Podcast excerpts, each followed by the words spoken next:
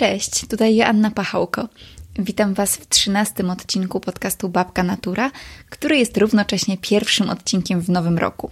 I bardzo się cieszę, że ten nowy rok mogę rozpocząć z wyjątkową gościnią, Kasią Ekes, czyli malarką, artystką, z którą rozmawiałam o obrazach malowanych tuszami pozyskiwanymi z kwiatów. Kasia w taki właśnie sposób, wydobywając tusze prosto z natury, stworzyła niezwykłą kolekcję Flourish, czyli ponad 30 abstrakcyjnych obrazów, w których główną rolę gra kolor. Oryginały są już u kolekcjonerów, ale u Kasi w sklepie wciąż e, dostępne są reprodukcje tych obrazów. A ja z Kasią porozmawiałam o samym procesie wydobywania kolorów z kwiatów i roślin, o pewnego rodzaju magii, która się za tym kryje, o docenianiu wyjątkowości natury, o sztuce skupienia i uważności. No, to nie była po prostu zwykła rozmowa o roślinnych farbach. Więc jeśli chcecie zacząć ten rok od czegoś zupełnie nowego, pochylić się trochę nad cudami natury, ale też zastanowić się nad rolą artysty i piękna w dzisiejszym świecie, po prostu posłuchajcie tego podcastu. Zapraszam.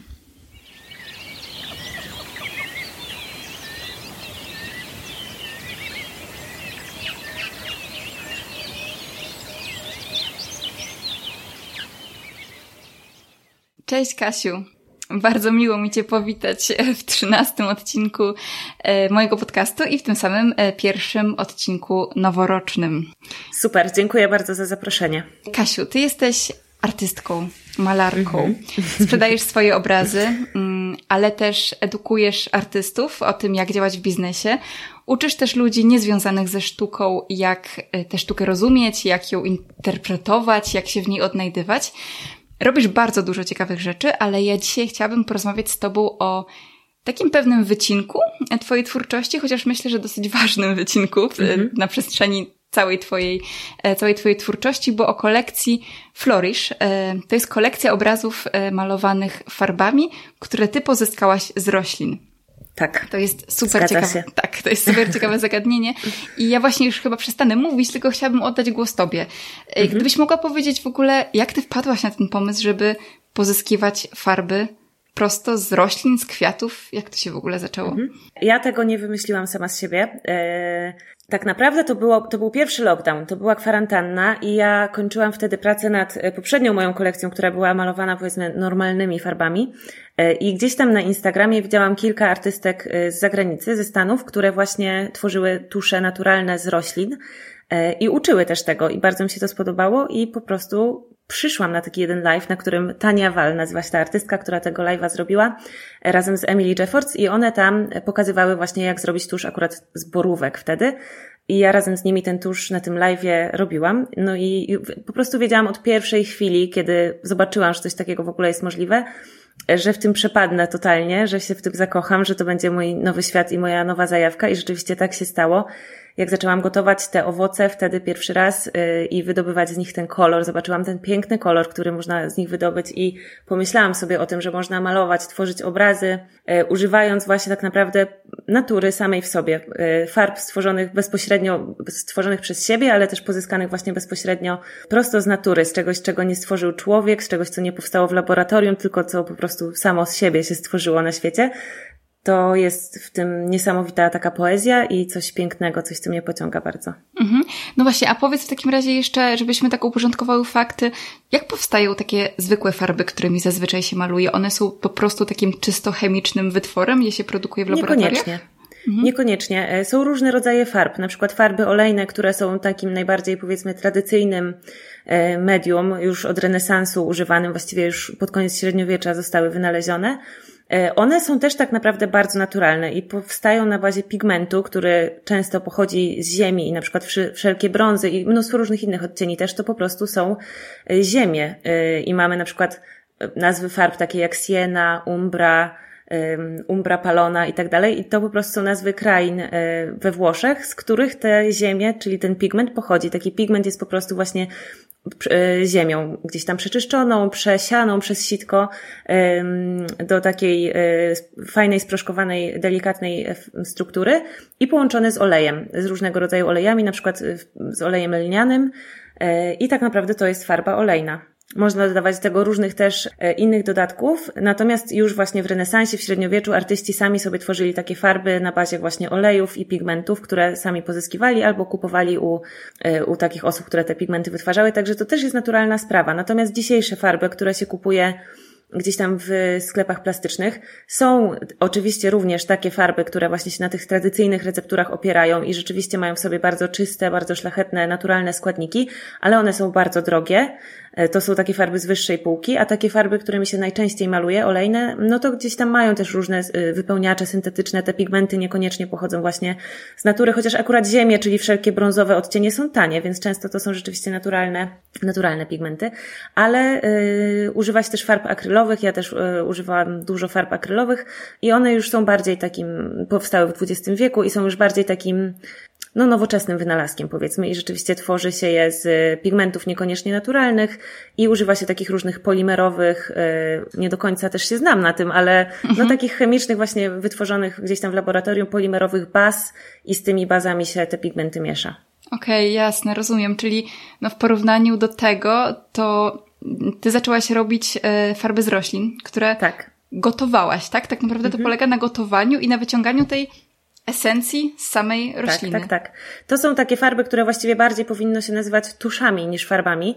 Mhm. No jest to rodzaj farby, ale e, konsystencja jest tuszu, czyli to jest taka wodna konsystencja i rzeczywiście e, gotuje się rośliny. Gotowanie jest jedną z metod uzyskiwania tych tuszów. Można e, też robić różne inne rzeczy z nimi, ale gotowanie jest taką jedną z najpopularniejszych, najbezpieczniejszych i każdą właściwie roślinę można wygotować. Gotuje się po prostu te rośliny w wodzie i e, one ten swój kolor, ten swój pigment, który w sobie zawierają, oddają mm, no właśnie do wody i ta później zabarwiona tym naturalnym pigmentem woda jest tuszem, którym można malować. Wow. Ja w ogóle też jak um, teraz przygotowywałam się do podcastu, to sobie obejrzałam jeszcze raz te wszystkie twoje zapisane stories na temat tego, jak ty gotowałaś um, i, i wytwarzałaś te tusze i ty byłaś tym taka bardzo zafascynowana, ty byłaś, aż ci się po prostu buzia cały czas śmiała i to nawet jest teraz, jak się ogląda to po tak naprawdę paru miesiącach, bo to był, były letnie miesiące wtedy, to, to aż to przy, przejęłam też i po prostu ja też się uśmiechałam, bo to rzeczywiście jest w tym coś takiego nie wiem, metafizycznego, to jest trochę mhm. takie magiczne, że my jednak tak. pozyskujemy roślinę i nagle ona oddaje nam swoją barwę. To jest fascynujące, prawda? Tak, mnie to bardzo zafascynowało właśnie, że tak naprawdę tworzenie tych tuszów i malowanie z nimi było też jakąś formą, i to niesamowitą formą, e, kontaktu z naturą, taką trochę moją kolaboracją z naturą, tak to trochę sobie gdzieś tam czuję. E, niesamowite właśnie, że że używam farb, kolorów, które właśnie nie powstały, nie stworzył ich człowiek, tylko stworzyła je natura. Y, więc jest to takie pierwotne, jest to takie, no właśnie pierwotne i takie wartościowe bardzo, że dla mnie ten kolor, który powstaje z tych tuszów sam w sobie jest wartością i y, tak tą kolekcję trochę na początku planowałam, że ten kolor będzie też sam w sobie tematem, bo jest jakby dla mnie wystarczającym tematem. Po prostu wygotow- właśnie pozyskiwanie kolorów z roślin i później ta kolekcja jest abstrakcyjna, więc później właśnie malowanie obrazów, które są abstrakcyjne i polegają tylko na plamach koloru, właśnie tego naturalnego koloru. I dla mnie ten kolor jest już polem do kontemplacji, że mogę patrzeć po prostu właśnie na sam ten kolor i kontemplować go. E, kolor, który stworzyła właśnie natura, ja tylko go wydobyłam z tej natury. Mhm.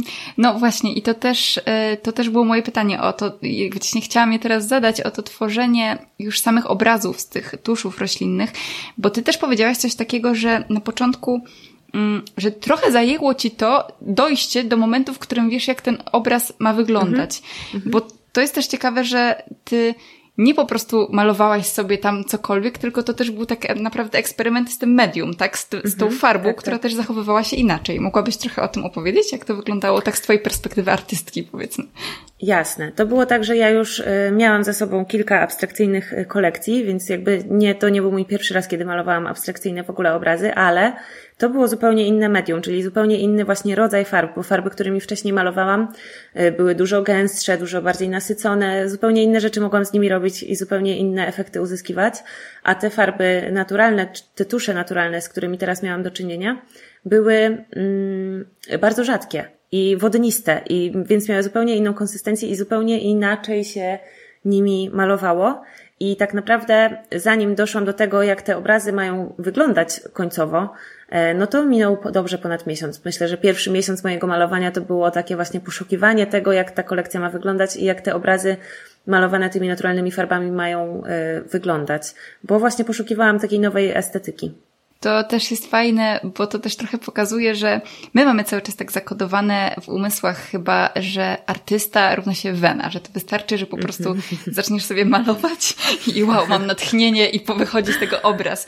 I trochę, mhm. wydaje mi się, że w, na przykład w takim środowisku powiedzmy pisarzy, osób piszących, mhm. trochę to już ta wena um, odchodzi do lamusa, to znaczy te osoby już tłumaczą, że no nie, nie, to tak nie jest, ja po prostu siadam sobie o 8 tak. rano, piszę sobie do 13 i na tym kończę, niezależnie od tego, czy mam wenę, czy czy nie. Natomiast w przypadku malarzy, My chyba cały czas jeszcze trochę nie umiemy zrozumieć sposobów, w jaki wy, y, w jaki wy tworzycie. Mhm. I mi się bardziej nasuwa może słowo eksperyment, jeśli chodzi o to, co ty robiłaś. Czy ty też byś to tak nazwała? Tak, eksperyment i poszukiwanie. I rzeczywiście tak to jest z tą weną. Picasso to powiedział i ja bardzo to jego zdanie lubię, że y, wena istnieje, ale musi zastać cię przy pracy. Mhm. I tak naprawdę trzeba właśnie codziennie przychodzić, jeżeli coś chcesz stworzyć i, i podejmować tą próbę, y, zabierać się za to tworzenie. I jednego dnia pójdzie lepiej, innego pójdzie gorzej. Jednego dnia ta wena przyjdzie i y, będą wychodziły ci niesamowite rzeczy i będziesz mogła malować cały dzień i w ogóle nie przestawać, będziesz tak wciągnięta.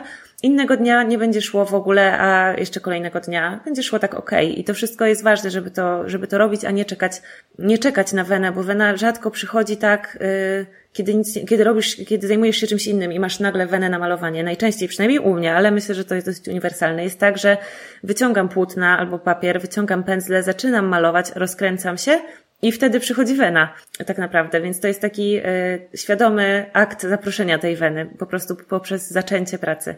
A e, co do właśnie eksperymentów i, i, i malowania, to rzeczywiście u mnie tak jest, odkąd maluję abstrakcyjne obrazy, że ja bardzo się daję ponieść procesowi i bardzo eksperymentuję i rzadko kiedy ma, przychodzę do pracy, do malowania z wizją tego, jak ma wyglądać końcowo obraz, bo też wiem, że to i tak by się nie udało, zwłaszcza jeżeli maluję takimi farbami, jak na przykład właśnie te naturalne, które są bardzo rzadkie i bardzo trudno je opanować. One trochę żyją swoim życiem, wymykają się spod mhm. kontroli. Mhm. Więc ja bardzo jestem otwarta i bardzo lubię w moim procesie twórczym to, że on samą mnie zaskakuje i że trochę moje obrazy przychodzą, nie do końca wiem skąd. Ja trochę, to jest taka moja rozmowa po prostu z, z farbami.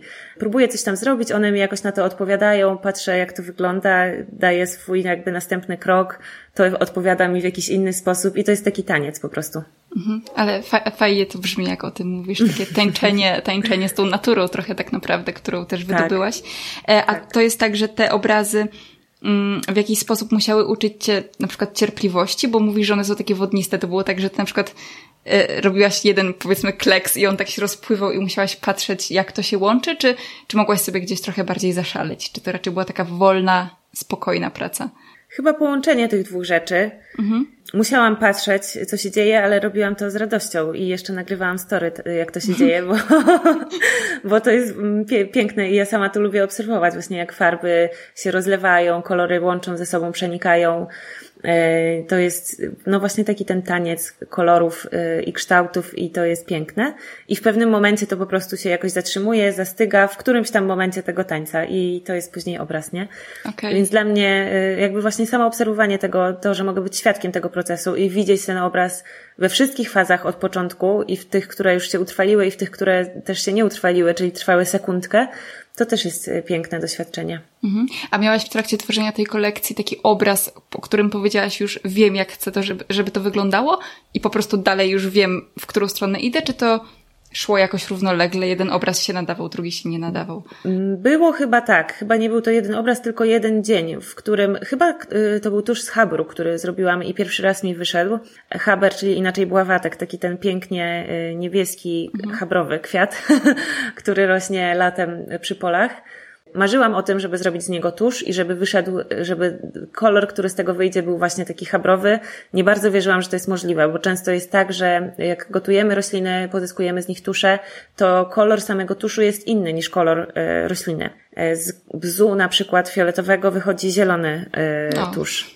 Mhm. E, więc to tak często wygląda. No i nie wiedziałam, jaki wyjdzie kolor z habru, bo też jest tak, że ja właśnie na początku załapałam tą pasję i to, że w ogóle takie coś można robić od innych artystek, ale później bardzo dużo sama eksperymentowałam i e, było dosłownie kilka przepisów, powiedzmy, na tuszek, yy, które rzeczywiście zrobiłam, a później sama już brałam różne rośliny, na które nigdzie nie było przepisów i robiłam z nimi różne rzeczy i, i patrzyłam, co się dzieje. I tak właśnie było z habrem, że na haber nigdzie nie było żadnego przepisu, nigdzie nie widziałam, żeby ktoś zrobił tusz z habru. Yy, no ale ja spróbowałam i na początku zrobiłam to właśnie przez gotowanie i ten kolor wyszedł taki turkusowy, w innym momencie też brązowawy. To wszystko zależy od temperatury gotowania, ale później zrobiłam tusz z habru na zimno, czyli po prostu zalałam y, suszone płatki habru zimną wodą i tą metodą rzeczywiście uzyskuje się kolor tuszu taki habrowy. Wow. że kolor tuszu jest dokładnie taki jak płatki habru. I kiedy to zrobiłam i kiedy zaczęłam używać właśnie płatków habru jako część też integralną obrazu, bo po prostu posypywałam te płatki na papier i on się trochę przyklejał do tego papieru, one się przyklejały do tego papieru i zostawały i stawały się częścią tego obrazu płatki kwiatu, e, to był dla mnie taki moment wow. E, I to jakoś tak wzbogaciło e, te obrazy estetycznie po prostu i od tego momentu czułam, że już wiem, w jaką stronę chcę iść z tymi obrazami. Jasne. No właśnie, a czy ty, e, jak przygotowujesz kolekcję i, i gdzieś decydujesz o tym, który obraz będzie w sprzedaży, a który nie, to czy ty robisz to sama? Czy tak. masz jakieś kryteria? Aha, nie masz kryteriów na przykład, po których osądzasz, że ten obraz mam się kryteria, robię to sama, mam kryteria. Pierwsze moje kryterium jest takie, czy ja sama chciałabym e, ten obraz kupić albo po prostu powiesić u siebie w domu. Mhm. Czyli czy mi on się podoba, czy mnie on w jakiś sposób porusza, e, czy mnie zadowala, czy dla mnie jest e, wystarczająco dobry estetycznie. Jeżeli tak, to wtedy taki obraz e, może trafić do sprzedaży, a jeżeli nie, to nie trafia. Okej, okay, i to jest twoje takie główne kryterium po prostu, tak? Tak, Czyli... tak, tak. Ja to oceniam na swojego czuja po prostu i na to, mm, no czy dla mnie ten obraz moim zdaniem jest wystarczająco dobry i właściwie tylko tym się kieruję. I y, często to idzie później w dwie strony, że ktoś widzi jakiś mój obraz, nie wiem, ktoś z rodziny jest w pracowni, albo nawet gdzieś tam ktoś na Instagramie zobaczy i mówi, że wow, super, wow, piękny, powiesiłabym go, chciałabym ten obraz, ale mi się on nie podoba i ja nie uważam, że to jest dobry obraz i taki obraz nigdy nie trafi do sprzedaży. A czasem jest też w drugą stronę, że ja coś namalowałam i widzę w tym coś. Ktoś mówi tak, mmm, serio? Ale ja wiem, że ten obraz dla mnie y, jest ok, jest dobry i wtedy taki obraz, nie, jakby wtedy nie, nie kieruję się tym, że komuś się to nie podoba. Y, patrzę po prostu na siebie i na to, y, jak ja oceniam dany obraz. Okej, okay, spoko. Fajne podejście. To ciekawe, ciekawe, że ty, że ty w ten sposób patrzysz, czyli że wszystkie, no właściwie to jest oczywiste, tak, że wszystkie obrazy, które od ciebie kupujemy, muszą ci się podobać, bo pewnie właśnie inaczej, e, inaczej byś ich nie sprzedawała. A masz w tych tuszach roślinnych, że tak jeszcze do nich wrócę, jakieś takie swoje ulubione? Masz takie kwiaty, mm, właśnie, które skradły twoje serce jakoś wyjątkowo i będziesz do nich chętnie wracać tak. na przykład? Na pewno to są te tusze, które tradycyjnie robię na moich warsztatach, bo w wakacje y, zrobiłam razem z Mają Michalak, która jest historyczką sztuki, zrobiłyśmy razem takie cudowne warsztaty. Wtedy jeszcze można było robić takie rzeczy stacjonarnie. I jeździłyśmy po całej Polsce i robiłyśmy warsztaty właśnie, na których y, robiłyśmy z y, naszymi uczestniczkami naturalne tusze. Maja później miała warsztat, na którym opowiadała o historii sztuki i o tym, jak interpretować obrazy. I ja później robiłam też warsztaty online i jeszcze te warsztaty będę powtarzała i na wszystkich tych warsztatach robiłam za każdym razem te same tusze. I y, niesamowite jest to, że w każdym mieście w ogóle te tusze wychodziły inaczej. Mhm. I to po prostu o. zależy też od wody, jaka w danym mieście jest i od tego, jaki, jaki jest dokładnie skład tej wody, jakie jest, nie wiem, pH tej wody, jakie minerały się w niej znajdują, jaka jest jej twardość. E, I w każdym, to, to mnie bardzo zaskoczyło, że używałyśmy cały czas tych samych roślin, bo ja zamówiłam wielkie e, hurtowe ilości tych roślin i woziłyśmy je ze sobą. W każdym mieście miałyśmy dokładnie te same rośliny, ale inną wodę i rzeczywiście te kolory się między sobą różniły. No i moje ulubione tusze to jest na pewno tusz z habru, bławatka, który można zrobić na kilka sposobów i uzyskać z tej rośliny cztery kolory co najmniej. Mhm. Mm, cztery zupełnie inne kolory. Wow. I to nie tak, że cztery odcienie jednego koloru, tylko z bławatka możemy mieć róż, zieleń, y, haber i turkus na przykład. Okej. Okay, e, okay. Tak. bardzo lubię no. tusz z hibiskusa, bo jest bardzo prosty, szybki do zrobienia, a bardzo efektowny, ma bardzo intensywny kolor. Bardzo lubię tusz z nagietka. Bardzo lubię też tusz z, mm, z czego jeszcze lubię? Tusz z malwy czarnej. Malwa czarna to też jest roślina, którą ja sama odkryłam przypadkiem, ale jest cudowna, daje też bardzo intensywny kolor. Bardzo lubię tuż z rzepaku. Rzepak pięknie pachnie. Mi się osobiście podoba zapach rzepaku. Nie przygotowaniu, bo przygotowaniu pachnie już trochę kapustą, ale, ale świeżo zerwany rzepak pachnie, pachnie pięknie. No to są chyba takie moje okay. ulubione tusze. Jasne. I, I tuż z awokado jest też przepiękny, z pestki właśnie, awokado. Właśnie, on robi taki, taki różowy kolor, prawda, to awokado? Tak.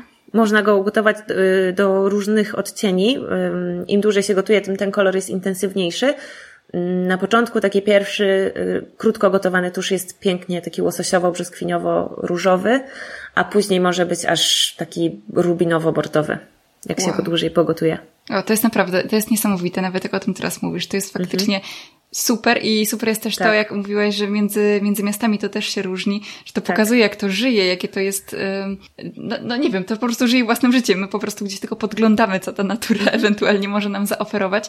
I ja o te warsztaty też chciałam Cię podpytać, ale wrócę do nich za chwilę, bo jeszcze jedna myśl mi przyszła do głowy, bo to opowiadasz o tych kwiatach, o różnych kwiatach, różnych roślinach i czy ty, natura jakoś tam zawsze była ważna dla ciebie na przykład w procesie tworzenia? Czy, czy ty odkryłaś to, że natura tak cię inspiruje dopiero w momencie tworzenia kolekcji Flourish? Natura była dla mnie ważna od chyba urodzenia, ale jako po prostu źródło e, inspiracji i zachwytu i coś, co kocham e, i jest mi potrzebne, konieczne do życia, ale nigdy wcześniej nie była tak e, bezpośrednio zaangażowana w mój proces twórczy, bo malowałam po prostu farbami zwykłymi, które sobie kupowałam w sklepach plastycznych. Także nie była nigdy bezpośrednio częścią mojego procesu, ale zawsze natura była dla mnie bardzo ważna i, i źródłem ogromnej inspiracji i właśnie takiego zachwytu. E, mhm. Kocham naturę bardzo. Jasne, jasne, rozumiem. Ja, ja, ja, też, e, ja też kocham naturę, chociaż to jest taka ciekawa miłość właśnie na zasadzie, że ja tak czuję, że się na niej dobrze nie znam, ale po prostu ją chłonę i, i daję sobie to prawo po prostu, żeby cieszyć się nią, kiedy mnie otacza. E, Okej, okay, to może właśnie pogadajmy o warsztatach, bo to jest tak naprawdę druga część tej kolekcji. To znaczy raz, że to są obrazy, które sprzedałaś, które cały czas sprzedajesz ich reprodukcję, a dwa, to były warsztaty, które stworzyłyście z mhm. Mają e, i już trochę o nich wspomniałaś, tak? Że to były warsztaty, gdzie jeździłyście po całej Polsce, uczyłyście uczestniczki, uczestników, jak tworzyć takie tusze roślinne i te osoby robiły swoje obrazy, tak? Dobrze, dobrze tak, rozumiem? Tak, tak. W czasie warsztatów też było malowanie tymi, e, tymi tuszami, tak. Mhm. E, I Maja miała też swój wykład na temat historii sztuki później. Mhm. Jasne. E, ja tak sobie też o tych warsztatach myślałam i przychodzę przychodzą mi do głowy takie dwie, mm, dwie rzeczy związane z tymi warsztatami. Pierwsza to jest taka, że to jest taki super sprawa na taką bliskość natury, że my w dzisiejszych czasach trochę jesteśmy no trochę jesteśmy w telefonach, trochę w komputerach, trochę gdzieś się przemieszczamy w tych wielkich miastach, a wy wioząc te naręcza kwiatów i tak mm, jakby zachęcając tak. do pochylenia się nad nimi, mhm. robiłyście tak naprawdę, wydobywałyście taką esencję trochę, prawda? Mhm. Że tak zachęcałyście do takiego bycia blisko, blisko natury. I czy uczestnicy też to jakoś odczuwali, że wow, to jest super, że ja mogę pracować nagle z kwiatem, że ja coś tak, odkrywam nowego? Tak, tak, tak. Nie było osoby yy, i myślę, że nie będzie chyba nigdy osoby, która by się nie zachwyciła tym procesem, bo to naprawdę jest niesamowite doświadczenie, wydobywanie tych kolorów z natury. To naprawdę, naprawdę jest magia i każdy, kto to robi, czuje, że y, robi jak, jakąś magię, coś niesamowitego, jakieś naprawdę czary mary, nie? Mamy kwiatek i za chwilę mamy kolor i w ogóle z jednego kwiatka mamy trzy inne kolory. Y, jest to niesamowite, jest to bardzo wciągające, bardzo pobudza uważność i właśnie tak skłania do zachwytu nad czymś takim totalnie abstrakcyjnym jak kolor. To jest niesamowite, jak cieszy nas wszystkich i mnie i każdego uczestnika to wydobywanie kolorów z natury, to robienie tych naturalnych farb i to tak wciąga, że zaczynamy i robimy pierwszy kolor i po prostu się cieszymy z tego, jaki wychodzi kolor. No, to jest niesamowite, bo nie możemy tego zjeść, tak jak, nie wiem, gotujemy coś i się cieszymy, że nam wyszło pyszne. Tego mhm. nie możemy zjeść, to nie pachnie, nie możemy tego powąchać po prostu cieszymy się kolorem samym w sobie i każdy, y, trochę zauważam takie właśnie, że taki przestawia się jakaś w mózgu coś i każdy się nastawia właśnie na, to, na, to, na ten kolor, który się staje taką wartością w samą w sobie, że zależy nam na tym, żeby wydobyć jak najpiękniejszy kolor i po prostu się cieszymy, jak nam wyjdzie piękny kolor, patrzymy na ten kolor i się jaramy i się zachwycamy i jesteśmy w zachwycie, że jest jaki piękny kolor i nic więcej nie trzeba, a jest to naprawdę niesamowite i takie dwie, dwie, trzy godziny, tyle trwają warsztaty przeważnie, to jest naprawdę przeniesienie się do innego zupełnie świata i oderwanie się od problemów, od wszystkiego i no, po prostu spędzanie czasu z kolorem. Mhm. Jasne, właśnie mówiłaś uważność. Yy, uważność to jest taka trochę, nawet może jakiś rodzaj medytacji pewnie nad tym kolorem, że mhm. rzeczywiście to jest takie wyłączenie umysłu. Jak niektórzy medytują gdzieś właśnie przy gotowaniu czy przy spacerze, mhm. tak właśnie można medytować nad wydobywaniem się koloru, a jednocześnie się nim cieszyć, więc to gdzieś pobudza też emocje. I to Fajne. się dzieje samo, bo rzeczywiście ten proces jest po prostu tak wciągający i trzeba też być ym, tu i teraz bardzo, mhm. bo czasami wystarczy minutę za długo coś pogotować i już y, kolor się zmienia i Aha. psuje. Dlatego trzeba po prostu być totalnie y, tu i teraz, reagować szybko, obserwować, co się dzieje, cały czas patrzeć ten kolor, jak on się zmienia i postanawiać, w którym momencie już jest na przykład idealny i koniec, kończę gotować, odlewam na przykład, nie? Mhm. No tak, tak, to jest taka praca w skupieniu totalnie, że nie możesz teraz sobie wyjąć telefonu i przejrzeć sobie Instagrama. Oj, nikt nie wyciągał telefonu. No chyba, że chciał, chciał zrobić mhm. zdjęcie, ale to musiałam przypominać dziewczynom, bo, bo naprawdę to tak wciąga, że, że zapominasz o wszystkim i skupiasz się całkowicie na tych kwiatach i kolorach. Mhm. I to cieszy, to niesamowicie cieszy. Nie, nie wiadomo dlaczego, no bo nic w tym nie ma takiego dla nas, nie? A po prostu jest radość, radość piękna, radość radość z koloru. Mhm. Jasne, a powiedz, to są kwiaty suszone, czy to są kwiaty takie żywe, teraz zerwane? Można używać i kwiatów suszonych, i kwiatów e, żywych. Na warsztatach używałyśmy suszonych, bo e, no, było nam tak łatwiej po prostu jeździć z tymi kwiatami, więc miałyśmy takie wielkie worki różnych suszonych kwiatów, e, liści leszczyny, właśnie płatków habru, suszonej róży, malwy, nagietków i tak dalej. Ale można jak najbardziej robić też z żywych roślin. Ja na przykład w maju zrywałam bez, zrywałam glicynię, która jest od tamtej pory moim ukochanym kwiatem. To jest to takie fioletowe pnącze, bardzo eleganckie i takie wyrafinowane, które y, na domach czasami rośnie, na jakichś bramach, tak kaskadowo spadające pięknie, w pięknym odcieniu fioletowe kwiaty. No i właśnie z tej glicyni też robiłam tusz, wyszedł cudownie, taki butelkowo-zielony. Z rzepaku też robiłam tusz właśnie na świeżo, z kwiatów pigwy, także najważniejsze moim zdaniem jest otwartość i w ogóle bez otwartości y, tutaj się za długo nie pojedzie w y, tej dziedzinie bo to też jest właśnie tak, że y, możemy gotować nawet z tej samej rośliny, z tej samej wody, ale w dwa inne dni i kolor wyjdzie inaczej. Nie wiadomo do końca od czego to zależy. Naprawdę dzieją się jakieś czary. Nie, nie wiem, czy to faza księżyca, czy co. ale naprawdę jest w tym coś, jakby trudno jest nawet podać taki dokładny przepis na to, żeby uzyskać y, idealnie taki sam odcień dwa razy, bo czasem to będzie wyglądało inaczej i ważne jest to, żeby się otworzyć, na to, co przychodzi i e, na te właśnie eksperymenty i na to, że nie do końca mamy tutaj kontrolę, że jesteśmy tylko takim świadkiem i możemy spróbować to wydobyć i patrzeć, co ta natura nam da, a nie do końca mamy nad tym e, kontrolę. Mhm. No właśnie, a czy ty miałaś takie momenty w swojej własnej pracy, że na przykład się frustrowałaś na to, że myślałaś sobie na przykład o tym habrze, tak, że kurczę, czemu to wychodzi taki inny kolor niż ja bym chciała i na przykład po jakimś czasie zaakceptowałaś to, że one po prostu są niezależnie od twojej woli najczęściej? Czy ta frustracja była, czy, czy jej nie było od nie, początku? Nie, frustracji nie było. No, jak pierwszy raz ugotowałam haber i zobaczyłam, że nie wyszedł ten kolor, jaki, o jakim marzyłam za pierwszym razem, no to sobie pomyślałam po prostu, no okej, okay, no trudno. No nie liczyłam na to tak naprawdę i tak, nie? Także później miałam po prostu mega niespodziankę, że jednak się udało. Ale frustracji nie było, bo wiedziałam, że y, jest tyle innych roślin na świecie, po prostu przecież tysiące, z których mogę wydobywać kolory i na pewno będą piękne, że nie, nie, nie. Mhm, ja już też jestem nauczona tego, że jakieś tam błędy i niepowodzenia są po prostu częścią procesu, yy, kiedy się próbuje cokolwiek zrobić, więc nie obrażam się na to. Mhm. A mówiłaś, że mm, na tych warsztatach skupiacie się na koloru, kolorze i to jest coś mhm. takiego najważniejszego, ale te rośliny, rozumiem, podczas gotowania też jakieś zapachy z siebie wydają. Jakby wszystkie pachną. To, to tak, tak jest? Czy... Yy, wszystkie pachną, te zapachy się zmieniają. Roślina sama pachnie inaczej, kiedy się ją zacznie gotować, to ta zupa, powiedzmy, roślinna pachnie też inaczej, mm-hmm.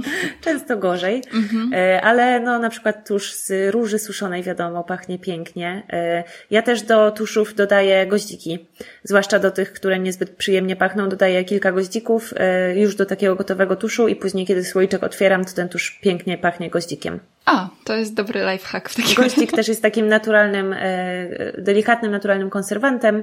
Lekko pomaga właśnie w konserwacji tych tuszów, także nie zaszkodzi, a daje właśnie fajny zapach, jak się mhm. później otwiera słoiczek. Mhm. No właśnie, a ty sobie zrobiłaś tusze i poprzelewałaś je do słoiczków i później z nich korzystałaś? Tak. tak. Czyli nie robiłaś zawsze tak, na tak, świeżo tak. na przykład? Przy... Yy, często było tak, że robiłam tusz i tego samego dnia go zużywałam i yy, też na przykład tusz z awokado jest najpiękniejszy pierwszego dnia na świeżo, później y, już troszeczkę ten kolor przygasa. I to jest niesamowite, że jak się ten tusz z awokado y, zrobi, no to pierwszego dnia, kiedy się go używa i on jest jeszcze świeży, to jest taki pięknie świetliście mm, łososiowy właśnie i jak już się ten kolor y, położy na papier i on się zwiąże z papierem, to już taki zostaje. O! A kolejnego dnia otwierasz słoiczek z wczoraj zrobionym tuszem i ten kolor w słoiczku już jest bardziej taki przygaszony, mniej świetlisty, mniej piękny.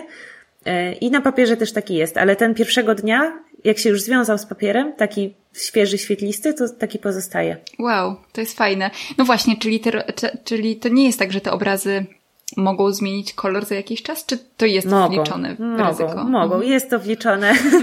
ja to starałam się podkreślać na każdym kroku, żeby nie było później zaskoczenia, bo moja kolekcja namalowana to było 30 chyba trzy obrazy, coś takiego, y, namalowana właśnie naturalnymi tuszami. One się już wszystkie sprzedały, więc wszystkie są w prywatnych kolekcjach, ale ja każdego kolekcjonera uprzedzałam i y, informowałam o tym, że te kolory mają prawo się zmieniać, że to są trochę takie żywe obrazy, które właśnie y, mogą się zmieniać. Zrobiłam wszystko, co było w mojej mocy, co, co wiedziałam, że mogę zrobić, żeby te kolory zabezpieczyć.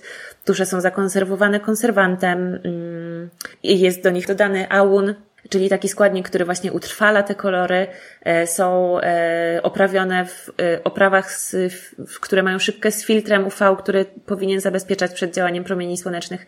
Więc co mogłam, to zrobiłam, żeby to się utrwaliło, ale na pewno te tusze i te kolory nie są tak trwałe jak właśnie farby takie konwencjonalne i na pewno te kolory mają prawo się zmieniać, ale mm, dla mnie to jest niekoniecznie wada i tak to też starałam się przedstawić, że jest to po prostu natura tych, y, tych obrazów.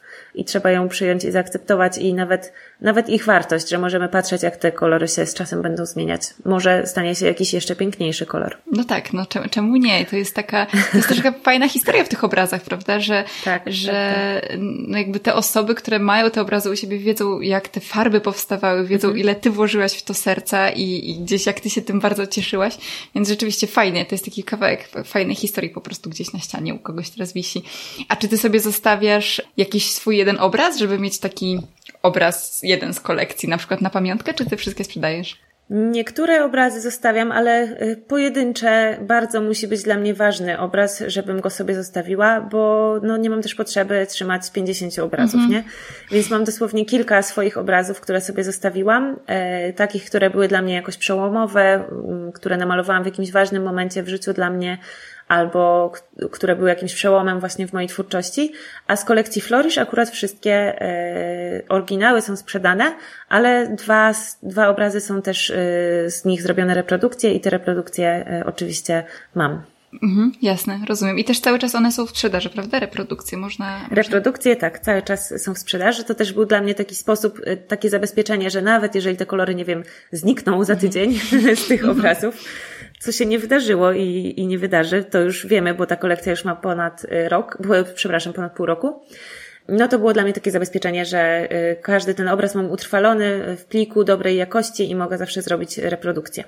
I dwie reprodukcje dwóch obrazów rzeczywiście są w moim sklepie i można je kupować. Dobra, a dlaczego dwie w takim razie? Nie chciałaś yy, mieć więcej? Wiesz co, trudne, trudne logistycznie by było dla mnie yy, sprzedawanie trzydziestu kilku reprodukcji rodzajów, nie? Bo ja mam, staram się tak pracować z reprodukcjami, że mam je tutaj w pracowni i jak ktoś zamawia, to ja od razu wysyłam. E, czyli nie zamawiam w drukarni wtedy, kiedy ktoś u mnie zamówi, bo wtedy mogłabym tak zrobić. E, ale to jest skomplikowane, bardzo angażujące i tak dalej, więc po prostu wybrałam dwa, nawet oczywiście zaangażowałam moją społeczność do tego, żeby, żebyśmy wybrali razem dwa najlepsze obrazy z tej kolekcji i z nich zrobimy reprodukcję i tak zrobiłam i jest właśnie, są dwa obrazy, jeden w takich e, szalonych, różowo żółtych i pomarańczowych odcieniach, tam się bardzo dużo dzieje, a drugi y, żółto-niebieski i tam są tusze z nagietka i z habru. Mhm. No tak, ja się, ja się czaję na któryś z tych obrazów. Myślę, że rzeczywiście będzie gdzieś um, wisiał u mnie w moim nowym domu, bo się niedługo przeprowadzam, więc tak no, Cię super. podpytuję o tą reprodukcję, bo też zastanawiałam się mhm. właśnie, czy to są takie e, obrazy, które gdzieś Ty sobie wybrałaś, ale to rzeczywiście społeczność też, też pomagała Ci wybrać. Ja też pamiętam, Ty kiedyś dostałaś takie pytanie, które obrazy są Twoimi ulubionymi i chyba trudno Ci było zdecydować, tak? Bo Ty je wszystkie... Nie, nie mogłam, tak. Nie mam takiego jednego na pewno. Mogę ewentualnie z każdej kolekcji wybrać, e, nie wiem, no kilka obrazów, które są moimi ulubionymi i rzeczywiście to jestem w stanie zrobić, ale wybrać naprawdę jeden, dwa ulubione obrazy to nie. Mhm. Też każda kolekcja u mnie jest trochę inna, jest inną historią. Y, jest świadectwem innego etapu w moim życiu i też rozwoju moje, mnie jako artystki i dla, każda jest dla mnie ważna i, i, wszystkie obrazy tak naprawdę kocham. To są takie dzieci moje. jasne, e, jasne. To jeszcze tylko Cię podpytam o te kolekcje. Czy Ty masz na przykład założone, że w roku nie chcesz wydawać, nie wiem, więcej niż dwie kolekcje, bo to Cię bardzo eksploatuje, czy to raczej jest pełen spontan? Spontanu do końca nie ma, ale też nie jest tak, że już mam cały rok zaplanowany, jeśli chodzi o kolekcję. E, mi bardzo zależy na tym, żeby tworzyć i żeby w mojej pracy jakby, no wiadomo, że zajmuję się też rozwijaniem mojej pracowni jako biznesu i jestem takim powiedzmy dyrektorem kreatywnym i menadżerem i zarządcą i w ogóle wszystkim, e, ale jestem też artystką i to zawsze przede wszystkim, e, więc staram się, żeby ta twórczość, żeby na nią też mieć czas, Chociaż czasami jest to trudno, jak się prowadzi właśnie y, taką pracownię, która jest, no powiedzmy też sklepem internetowym, że na bieżąco sprzedaję też y, tutaj i wysyłam i tak dalej. I już wiem, bo zaplanowałam wstępnie sobie ten rok, już wiem, że w pierwszym kwartale nie będzie nowej kolekcji i nie będę miała zbyt dużo czasu na, na malowanie, bo bardziej się skupiam w tym pierwszym kwartale na edukacji artystów e, ale na pewno y, w późniejszej części roku będę malować. Mhm. Także nie wiem, ile kolekcji na przykład w tym roku powstanie, ale na pewno dwie to jest takie minimum. Mhm, jasne. A masz teraz już w głowie to, jak chciałabyś, żeby ta kolejna kolekcja wyglądała? Czy będziesz o tym myśleć dopiero, jak się będzie zbliżać ten termin? Raczej będę myśleć... Yy dopiero jak się będzie zbliżać, będę się zbliżać do malowania, chociaż może być tak, że w międzyczasie gdzieś tam już sobie coś będę podmalowywać. Na przykład właśnie moja ostatnia kolekcja była taka, że składała się w całości z obrazów, które przez ostatnie trzy miesiące gdzieś tam w międzyczasie sobie właśnie podmalowywałam. I teoretycznie myślałam, że to jeszcze nie jest nowa kolekcja, że to jeszcze nie ma jakiegoś jednego takiego spójnego kierunku w tych obrazach, ale jak je wszystkie wyciągnęłam i zobaczyłam mm, naraz obok siebie, no to totalnie było to spójne i jednak okazuje się, że chyba jeden człowiek nie jest w stanie w ciągu kilku miesięcy namalować, nie wiem, e, kilkunastu niespójnych ze sobą obrazów. No po prostu to wszystko jest gdzieś tam wynika ze mnie, z tego, co ja teraz przychodzę i w jakim momencie jestem artystycznie, twórczo, więc to chciał, nie chciał, będzie zawsze mhm, spójne. Mhm, jasne, rozumiem. E, tak odeszłam w stronę tej kolekcji, ale jeszcze cały czas miałam w głowie pytanie o warsztaty. To może jeszcze zrobię mhm. taki łuczek i do nich wrócę. Mm, wy też uczycie, uczycie na tych warsztatach takiej czystej radości tworzenia, o czym już też trochę mówiłaś. E, dla mnie to jest fascynujące, że to jest taka czysta radość tworzenia, bo ja od początku studiów, kiedyś sobie to uświadomiłam w rozmowie z jedną moją koleżanką, e, zresztą pozdrawiam cię Somar, jeśli tego słuchasz, e, że ja od początku studiów nie, nie robiłam nigdy nic, co byłoby takim czystym hobby. Że ja, wiesz, zawsze robiłam, na przykład chodziłam na zumbę, ale nie po to, żeby tańczyć, tylko po to, żeby schudnąć rysowałam obrazki nie po to, żeby sobie rysować, tylko myślałam, że a może będę w tym kiedyś dobra, coś kiedyś sprzedam. I tak dalej, i tak dalej. To wynikało z różnych rzeczy. E, to jakby to jest na inny, na inny odcinek może rozmowa. Mm, ale mnie to zafascynowało, że, że taki po prostu udział w takich warsztatach to jest takie po prostu dziecięca radość. To tak, nie jest, tak, tak. to nie ma na celu zrobienia czegoś wow, że będziemy teraz to wieszać na własnych ścianach, bo nie musimy, prawda? To jest czysta radość tak, z tego, że to robimy. I ciekawe jest to, że Wydaje mi się, że większość osób, które wzięły udział w warsztatach, to nie były artystki i to nie były osoby, które chciały się nauczyć nowej techniki no po to, żeby ją wykorzystać w swojej pracy, nie? Mhm. Tylko mm, dla większości osób to była taka po prostu forma właśnie relaksu, spróbowania czegoś nowego, zrobienia czegoś dla siebie e, fajnego, miłego, takiego właśnie kontaktu z naturą, oderwania się od problemów, takiego zainspirowania samej siebie, e, dania sobie szansy na to, żeby gdzieś właśnie jakoś spojrzeć na wszystko z taką świeżą perspektywą. No właśnie, bo to jest zupełnie po prostu inny rodzaj aktywności niż my, tak jak nawet kolorujemy sobie coś, czy robimy to, e, my to znamy, tak? A takie wydobywanie tuszów z roślin to jest tak. takie totalnie nowe tak naprawdę. Jest to tak, tak, totalnie. Zupełnie, zupełnie nowa rzecz. A z drugiej strony pewnie dla osób, które miały poczucie, że wow, chciałabym zrobić coś tak już bardzo, bardzo konkretnego, to była ta druga część, tak? Gdzie Maja jednak edukowała o tej historii sztuki, więc można było też się jakby pewnie nauczyć jakiś... Chociaż to też, y, to też były takie warsztaty dla wszystkich, powiedzmy. Mhm. Nie, dla, nie dla y, artystek, nie dla specjalistów, tylko totalnie dla wszystkich.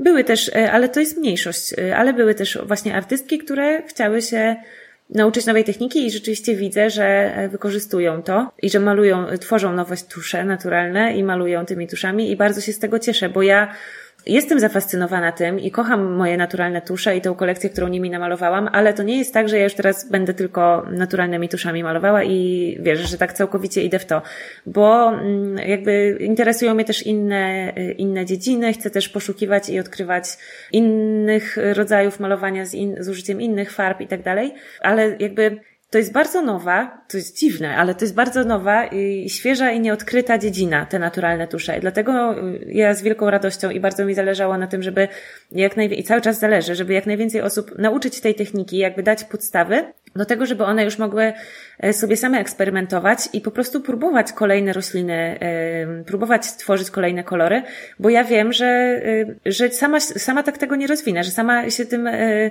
nie będę za zawsze zajmowała i że nie, po prostu nie spróbuję wszystkich roślin na świecie. Dlatego chcę, żeby jak najwięcej osób się tym też zafascynowało i żeby ta dziedzina się rozwijała mhm. dzięki temu. No tak, jasne. A ty robiłaś też te warsztaty online'owo. Um, tak. I powiedz, y, to w ogóle y, dało radę? To znaczy, wiesz, bo to jednak jest też taka grup, grupowa jednak praca, prawda? Wydaje mi się, mhm. że jak to opowiadasz, że to pochylanie się nad tym garnkiem gotującym się, czy online'owo da się jakkolwiek to przekazać? Jak najbardziej. Y, no, bałam się tego oczywiście i zastanawiałam się, jak to będzie wyglądało, no ale y, ten rok nam pokazał, że dużo więcej rzeczy da się zrobić zdalnie, niż sobie w ogóle wyobrażaliśmy, nie? I takie warsztaty, takie warsztaty się okazuje też. I wyszły bardzo fajnie. To jest inna atmosfera niż na warsztatach stacjonarnych, bo na warsztatach stacjonarnych rzeczywiście to jest grupa, my też na tych warsztatach mamy wino, jedzenie, więc jest tak bardziej, to jest takie, ja to tak e, sobie wyobrażam te nasze warsztaty, które robiłyśmy latem, jak takie fajne wyjście do restauracji, ale nie tylko po to, żeby zjeść, tylko żeby coś tam jeszcze fajnego zrobić, ale osoby, które przychodziły na te warsztaty, nie znały się i się na nich poznawały i jakby miło ze sobą spędzały czas, więc była taka fajna atmosfera grupy, dużo śmiechu i dobrej zabawy i tak dalej. Mm, a na warsztatach, które robiłam online, wiadomo, że y, tego w takim stopniu nie ma. Po prostu każdy uczestnik jest u siebie w domu i widzi mnie.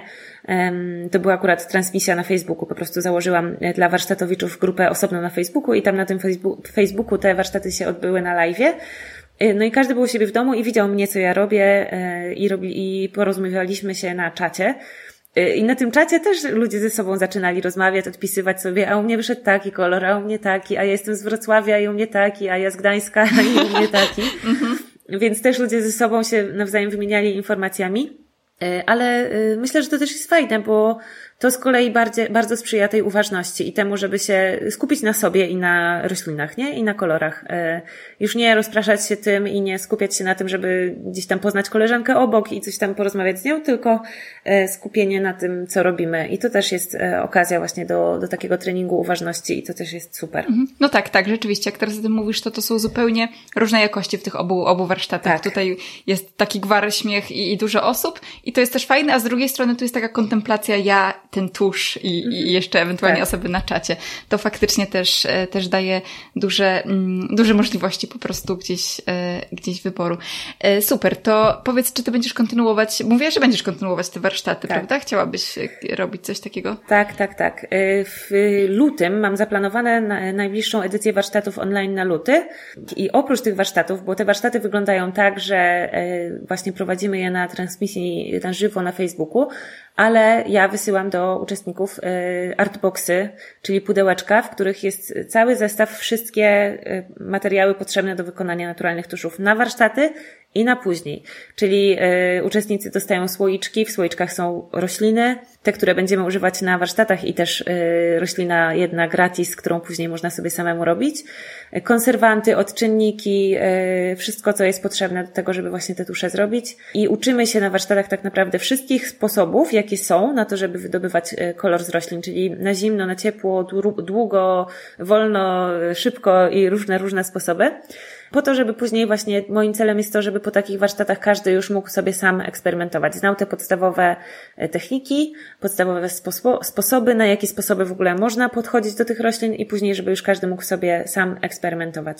Także właśnie y, to będzie można y, zapisywać się na te warsztaty, ale też będę sprzedawała po prostu takie y, zestawy, które będzie można kupić sobie albo komuś na prezent. Taki, wiesz, taki zrób to sam zestaw do zrobienia naturalnych tuszów. Mhm, fajnie. Bo ty teraz też piszesz e-booka o Flourish, prawda? O tej kolekcji. Tak, tak, tak. To jest e-book edukacyjny, czy Tak, edukacyjny po prostu z przepisami. E, edukacyjny, w którym opisuje właśnie te wszystkie sposoby na robienie naturalnych tuszów i, i podaje przepisy i wszystko, co jest potrzebne do robienia naturalnych tuszów, całą wiedzę, która jest do tego potrzebna, całą, którą mam przynajmniej. I e, w poprzedniej edycji warsztatów było tak, że można było kupić te wszystkie trzy rzeczy w zestawie, czyli warsztaty, spotkanie na żywo, e, online, e-book był gratis i pudełeczko. A i teraz też tak będzie, ale będę też te wszystkie rzeczy będzie można kupować osobno, także później nawet jak ktoś się nie załapie na warsztaty, to będzie można sobie kupić e, po prostu pudełeczko i e-booka albo pudełeczko i nagranie warsztatów i będzie można sobie też samemu działać. Fajny, bardzo fajny, kreatywny prezent pewnie dla kogoś, kto gdzieś tam chce, chce sobie tak działać. E, super, w ogóle to tak fajnie pokazuje, jak e, masz jedną rzecz, tak? Zrobiłaś sobie swój mhm. pierwszy tusz i teraz to tak, tak. super pączkuje, prawda? Może tak, iść pączkuje, dokładnie. Mhm. A w sumie pączkuje i rośliny, to też nawet, nawet to się zgrywa. Dokładnie. Fajnie, że to tak Pięknie może, to powiedziałaś. No. że to tak może iść w różne strony, a ty przy okazji też pewnie spełniasz się tutaj w tej roli mm, nauczycielki, tak? Jakby edukując, bo chyba też to lubisz, prawda? Tak, ja w ogóle skończyłam właśnie edukację artystyczną. To był mój kierunek studiów.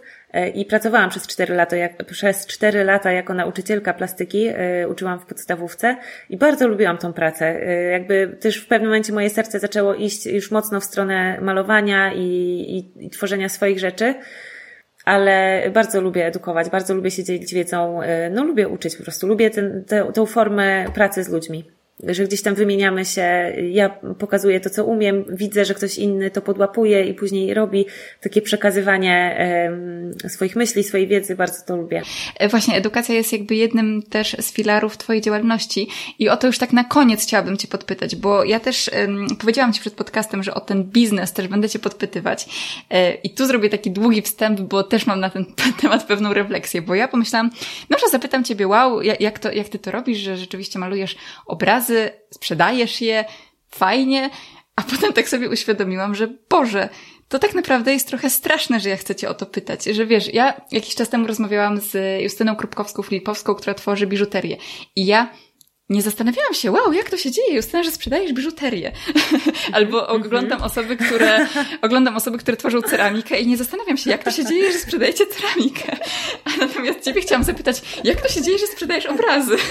No I tak, szok. Szok. I to pokazuje, jak my też... Um, co my mamy zakodowane tak mhm. naprawdę w umyśle. No tak, tak. To jest po prostu taki totalny stereotyp, w którym jesteśmy karmieni od początku, jeśli chodzi o artystów, że no artysta to, to przecież to jest oczywiste, że to jest ten, który będzie głodował i yy, mit romantyczny Van Gogha, który nie sprzedał żadnego obrazu, czy tam jeden obraz przez całe swoje życie i w ogóle żył w biedzie potwornej, ta bieda go w ogóle zabiła i wykończyła. I super, nie? I wow, wow, fajnie. Podniecamy się. No, Także no, ja raczej staram się z tym walczyć i pokazywać, że Yy, że można inaczej i że wcale nie jest żadną cnotą dla artysty to, żeby głodował, gdzieś wczoraj czy przedwczoraj trafiłam na jakiś taki artykuł właśnie i były tam takie słowa, że że dobrobyt nie służy artyście, bo tylko właśnie jak artysta, y, jak ma dobrze, jak ma ciepło i jest najedzony i w ogóle y, ma wszystko zaspokojone, to wtedy mu się nie chce tworzyć dobrej sztuki. Jest gnuśna ta sztuka wtedy. Y, a jak mu właśnie brakuje wszystkiego, no to wtedy to jest taka dla niego mobilizacja, że on wtedy będzie całkowicie się poświęcał sztuce i tym wyższym wartościom. Ja absolutnie z tym walczę i staram się udowodnić swoim życiem i też pokazać innym, że E, że sztuka jest potrzebna ludziom e, po prostu i to nie tylko, nie wiem, jakimś pojedynczym jednostkom, które kupują obrazy za miliony czy setki tysięcy złotych, ale wszystkim ludziom jest potrzebna sztuka, jest potrzebne piękno, jest potrzebny zachwyt. To jest wartość, która, której szukają wszyscy tak naprawdę i potrzebują. I w związku, w związku z tym artyści są potrzebni po prostu i, i to, co tworzymy jest potrzebne. Mhm, jasne. I wow, ja to strasznie, strasznie też Ci kibicuję, bo wydaje mi się, że my się już trochę nauczyliśmy, że taka sztuka, wiesz, taka typowo użytkowa, że właśnie mam piękny kubek jakiś mhm. ceramiczny, to y, no fajnie, mogę go kupić, bo będę z niego pić herbatę, prawda? Aha. Y, mam biżuterię, to ją założę i będę ładnie wyglądać, mhm. ale mam obraz? Po co mi obraz, że go powieszę i co, i co z tego, prawda? A to jest jakby nasza bardzo ważna rzecz w naszym życiu, tak naprawdę piękno, którym się otaczamy, to jakimi przedmiotami, jakimi rzeczami się w życiu otaczamy i to, że tak naprawdę za tym obrazem też stoi jakaś historia. W przypadku jakby kolekcji, o której rozmawiamy, też yy, bardzo taka wyraźna historia, to znaczy tutaj można mhm. dokładnie wiedzieć, jak on powstawał. I to jest fascynujące i jakby super, że ty, że ty o tym uczysz i ty w taki sposób też działasz w swoim, e, w swoim biznesie. A powiedz, czy osoby wokół ciebie, mm, Czy ty cały czas musisz te stereotypy, mity obalać, czy, czy ty jakby większość osób gdzieś, którymi się otaczasz, już to zrozumiała, że tak można żyć i to jest okej? Okay? Już chyba nie muszę ich obalać. E, na pewno na początku było najtrudniej, e, ale na szczęście no, takie najbliższe mi osoby i najważniejsze e, wierzyły w to razem ze mną, a nawet czasami bardziej niż ja, także, mhm. także to mi bardzo pomogło, ale no, takie momenty wiadomo, jak wybór studiów. Każdy, kto się decydował na studia humanistyczne, ja się na początku decydowałam na historię sztuki, później na edukację artystyczną, no to po prostu niektórzy się łapali za głowę, no dziecko, co ty będziesz robiła później, nie? Chociaż też taką normą jest, że no okej, okay, no dobrze, no to zrobisz te studia humanistyczne, później sobie znajdziesz jakąś inną pracę.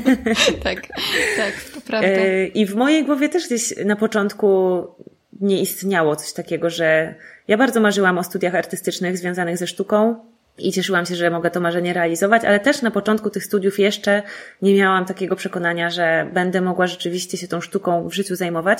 Tym bardziej, że na studiach nikt w ogóle na ten temat się nie odzywa. Jest jakieś wielkie milczenie. Mm -hmm. Po prostu to jest temat pominięty totalnie na studiach artystycznych. E, nikt nigdy nikomu nie mówi w ogóle, co mamy po tych studiach, jak to zrobić, żeby się z, tworząc sztukę utrzymywać. To jest taki para, to jest taki absurd, że po prostu naprawdę totalne. Studia artystyczne są cudowne i rozwijają bardzo artystycznie i twórczo, ale w ogóle nie przygotowują do tego, jak e, być artystą po studiach, no. Chyba, że ktoś ma zamiar zostać na uczelni i, i uczyć. Może dlatego nie przygotowują, że właśnie osoby, które nas tam uczą, no właśnie taką poszły drogą, że, że uczą na uczelni i to jest to ich źródło utrzymania, nie? Więc one tak naprawdę nie wiedzą, jak mogłyby się utrzymywać z samej twórczości. Ale na szczęście mamy takie czasy, że, że można się dużo samemu nauczyć. Ja się dużo bardzo samemu, sama nauczyłam. Bardzo dużo e, po prostu wchłonęłam wiedzy takiej czysto biznesowej i starałam się ją przekładać na język artystyczny i to się super udaje. Super, jasne. Ja potwierdzam, że to bardzo Ci się fajnie udaje i naprawdę e, no, trzymam kciuki, żeby, żeby cały czas, cały czas tak to wychodziło. A no, jeśli chodzi o studia, to tak, to rzeczywiście to jest um, pewnie temat rzeka. Ja też ostatnio natknęłam się włączyłam telewizję, mm, leciał jakiś taki stary polski film z Maćkiem Zakościelnym i nie pamiętam jaki to był film, ale tam była dziewczyna, która właśnie skończyła historię sztuki czy jakoś taki inny artystyczny kierunek uh-huh. i ona oczywiście nie mogła znaleźć pracy. To był naprawdę film sprzed 10 lat powiedzmy, czy 15. I ona nie mogła znaleźć pracy yy, i ostatecznie pracowała jako dostawca pizzy. I mhm. pytała tych drugich dostawców tam obok, e, jakby kurierów, hej, a po czym ty jesteś? No ja po kulturoznawstwie, nie? A po czym ty jesteś? Ja po tak. filozofii. I to są treści, którymi, na przykład ja się też karmiłam idąc na studia, bo ja skończyłam wiedzę o teatrze między innymi.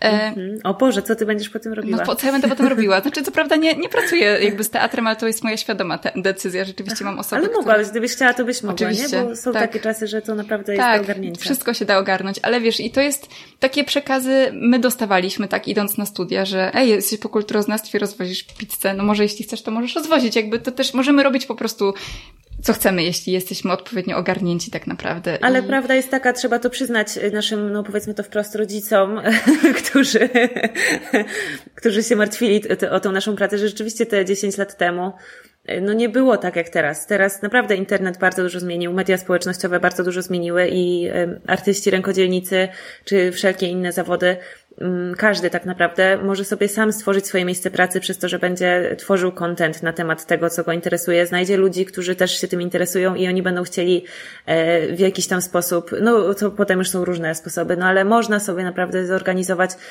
e, sobie samemu miejsce pracy, bazując na tym, co się po prostu lubi i ja taką drogą poszłam. A jeszcze to, co przed chwilą powiedziałaś o o tym, że, że po co nam obraz, że w kubku wypijemy Aha. herbatę, biżuterię założymy. Ja tak sobie myślę właśnie, że tak naprawdę każdy z nas w domu i w domach, w których się wychowywaliśmy, zawsze wisiał gdzieś jakiś obraz albo plakat, coś wisiało na ścianie, bo mało kto ma puste ściany, nie? Mhm. Coś tam zawsze wisi. E, tylko w dawnych czasach, powiedzmy, Kupowało się te obrazy gdzieś tam, nie wiem gdzie, w jakichś sklepach z budow sklepach budowlanych, nie wiem, w Kastoramie, na rynku. Już mówię o takich czasach mojego dzieciństwa. Ja pamiętam obrazy, które wisiały u mnie w domu. Do dzisiaj je pamiętam, bardzo je zawsze studiowałam. To były bardzo złe obrazy. O Jezus, nie? Takie mm. naprawdę straszne. Chociaż jako dziecko, jak byłam mała, to mi się one podobały. Ale dzisiaj są takie czasy, że każdy człowiek, yy, zwykły człowiek powiedzmy, chociaż nie ma zwykłych ludzi, no ale powiedzmy każdy człowiek może y, obserwować sobie artystę na Instagramie i być z nim w bezpośrednim kontakcie i sobie od niego zamawiać obrazy, które też nie są w cenach takich kosmicznych. Kiedyś to było tak, że jak się chciało kupić obraz od artysty, no nikt nie znał artystów, nie, zwykli ludzie nie znali artystów, gdzieś tam ludzie związani z kulturą w mieście znali artystów, chodzili na wystawy, ale y, to jest garstka ludzi, a dzisiaj to już wygląda zupełnie inaczej i artysta, który mm, ma głowę na karku i się ogarnia, może po prostu docierać do ludzi bezpośrednio e, z tym, co robi. I jak już dotrze, to gwarantuję, że ci ludzie będą zainteresowani, bo właśnie tak jak mówię, każdy potrzebuje i marzy tak naprawdę o sztuce, tylko kiedyś nie było do niej dostępu. Mhm. A teraz my, artyści, możemy działać sami i sami e, bezpośrednio do nas przyciągać e, kolekcjonerów, obserwatorów, i ci ludzie już nie muszą iść do galerii, w której się będą czuli niezręcznie, bo się na tym nie znają, tylko mogą sobie nas obserwować na Instagramie i jak potrzebują coś powiedzieć na ścianę, e, to sobie mogą coś u nas kupić. To prawda. Nie, to jest super ważne, co teraz powiedziałaś i to w stu procentach, e, stu procentach się zgadzam, że obraz nie jest już taki niedostępny gdzieś na tym, gdzieś w jakiejś galerii na wernisażu dla kogoś, kto w ogóle może porozmawiać mądrymi słowami z tym artystą, tylko to jest blisko nas i jeżeli znajdziemy takie osoby, od których chcemy kupować, którymi chcemy się inspirować, to one po prostu są. tylko, tak. tylko trzeba wiedzieć, czego szukać. I super jest właśnie kupować te rzeczy um, od kogoś, um, czyją historię znamy. Wydaje mi się, że fajnie mieć takie rzeczy po prostu w domu, tak? Wiemy, kto na przykład zrobił ten plakat, który my mamy, albo o czym on mhm. opowiada. Jasne. O czym opowiada ten obraz y, i tak dalej, i tak dalej. Chyba, że nie mamy takiej potrzeby, tak? Ale myślę, że to jest taki przywilej dzisiejszych czasów, że możemy to mieć. I... To jest wartość dodana na pewno. Więc y, korzystajmy w takim razie, korzystajmy z tego, że możemy i niech dokładnie. artyści też korzystają z tego, że, że mają szansę docierać teraz w tym momencie dokładnie do ludzi y, w jakikolwiek chcą sposób i ty też pewnie ich o tym uczysz. Y... Tak, staram się. Y, może nie tyle uczyć, bo ja zawsze troszeczkę jeszcze syndromu oszusta w sobie mam, ale po prostu opowiadam bardzo otwarcie e, o tym, jak ja to robię i dzielę się tym doświadczeniem swoim, które mam do tej pory na bieżąco i dostaję e, informacje zwrotne od artystów, którzy dopiero zaczynają, że to jest bardzo wartościowe. Także ja się bardzo, bardzo z tego cieszę, bo uważam, że nie ma sensu trzymać e, tego dla siebie, że im więcej artystów będzie dobrze prosperowało, tym lepiej dla społeczeństwa. I im więcej ludzi będzie miało dostęp do sztuki, tym też lepiej dla społeczeństwa po prostu. Totalnie tak. Super, Kasia, bardzo Ci dziękuję za rozmowę. To jest ja. Dziękuję. To bardzo. jest naprawdę inspirujące, co mówisz. A jeszcze gdybyś mogła powiedzieć, gdzie w takim razie Cię znaleźć, jak już mówimy o tym, że ci artyści są tacy dostępni, to gdyby ktoś Jasne. chciał Cię śledzić, to gdzie? Y, to najbardziej zapraszam na mój y, Instagram kasia.ekes. Tak mnie można znaleźć. Y, mój sklep, moja strona to kasiaekes.pl. Jasne. I tam wszystko, wszystko się znajdzie. Tam wszystko tak. Jeżeli słuchają nas jacyś, jacyś artyści, to z kolei zapraszam bardzo serdecznie do naszej grupy na Facebooku. E, na Instagramie znajdziecie wszelkie informacje, jak się do tej grupy zapisać, ale właśnie na grupie dzieją się wszelkie edukacyjne, biznesowe rzeczy dla artystów. Ja tam robię live, webinary e, i no generalnie właśnie dzielę się swoim doświadczeniem o tym, jak pokazuję to, jak swoją pracownię rozwijam, buduję, jak docieram do kolekcjonerów, jak to wszystko organizuję i tak dalej e, tym miesiącu, pod koniec tego miesiąca rusza też e, taka platforma subskrypcyjna, to jest totalna nowość, mm, membership, e, który będę prowadziła właśnie dla artystów, w którym będzie mnóstwo e, edukacyjnych treści i pomocnych w tym, żeby rozwijać swój twórczy biznes i docierać do kolekcjonerów, także zapraszam. Jasne, super. Ja też zapraszam, dziękuję Ci bardzo. Super, dzięki. Dziękuję Wam za wysłuchanie podcastu. Mam nadzieję, że ta niemal godzina spędzona z nami pozwoliła Wam przenieść się trochę do innego świata, pełnego barw, emocji, uważności. A jeśli macie jakieś przemyślenia na temat tego odcinka, serdecznie zachęcam Was do napisania do mnie wiadomości. Znajdziecie mnie na Instagramie i na Facebooku jako Babka Natura. Oprócz tego na Instagramie staram się pokazywać Wam trochę mojego Podlasia, więc serdecznie tam zapraszam. Pamiętajcie też, że jeśli chcecie być na bieżąco z nowymi odcinkami, możecie obserwować podcast w Spotify albo zasubskrybować go w aplikacji podcastowej. Wtedy odcinki będą pobierać Wam się automatycznie, a dla mnie będzie to sygnał, że podobają Wam się treści, które tworzę. Dzięki raz jeszcze za wysłuchanie tego odcinka i do usłyszenia.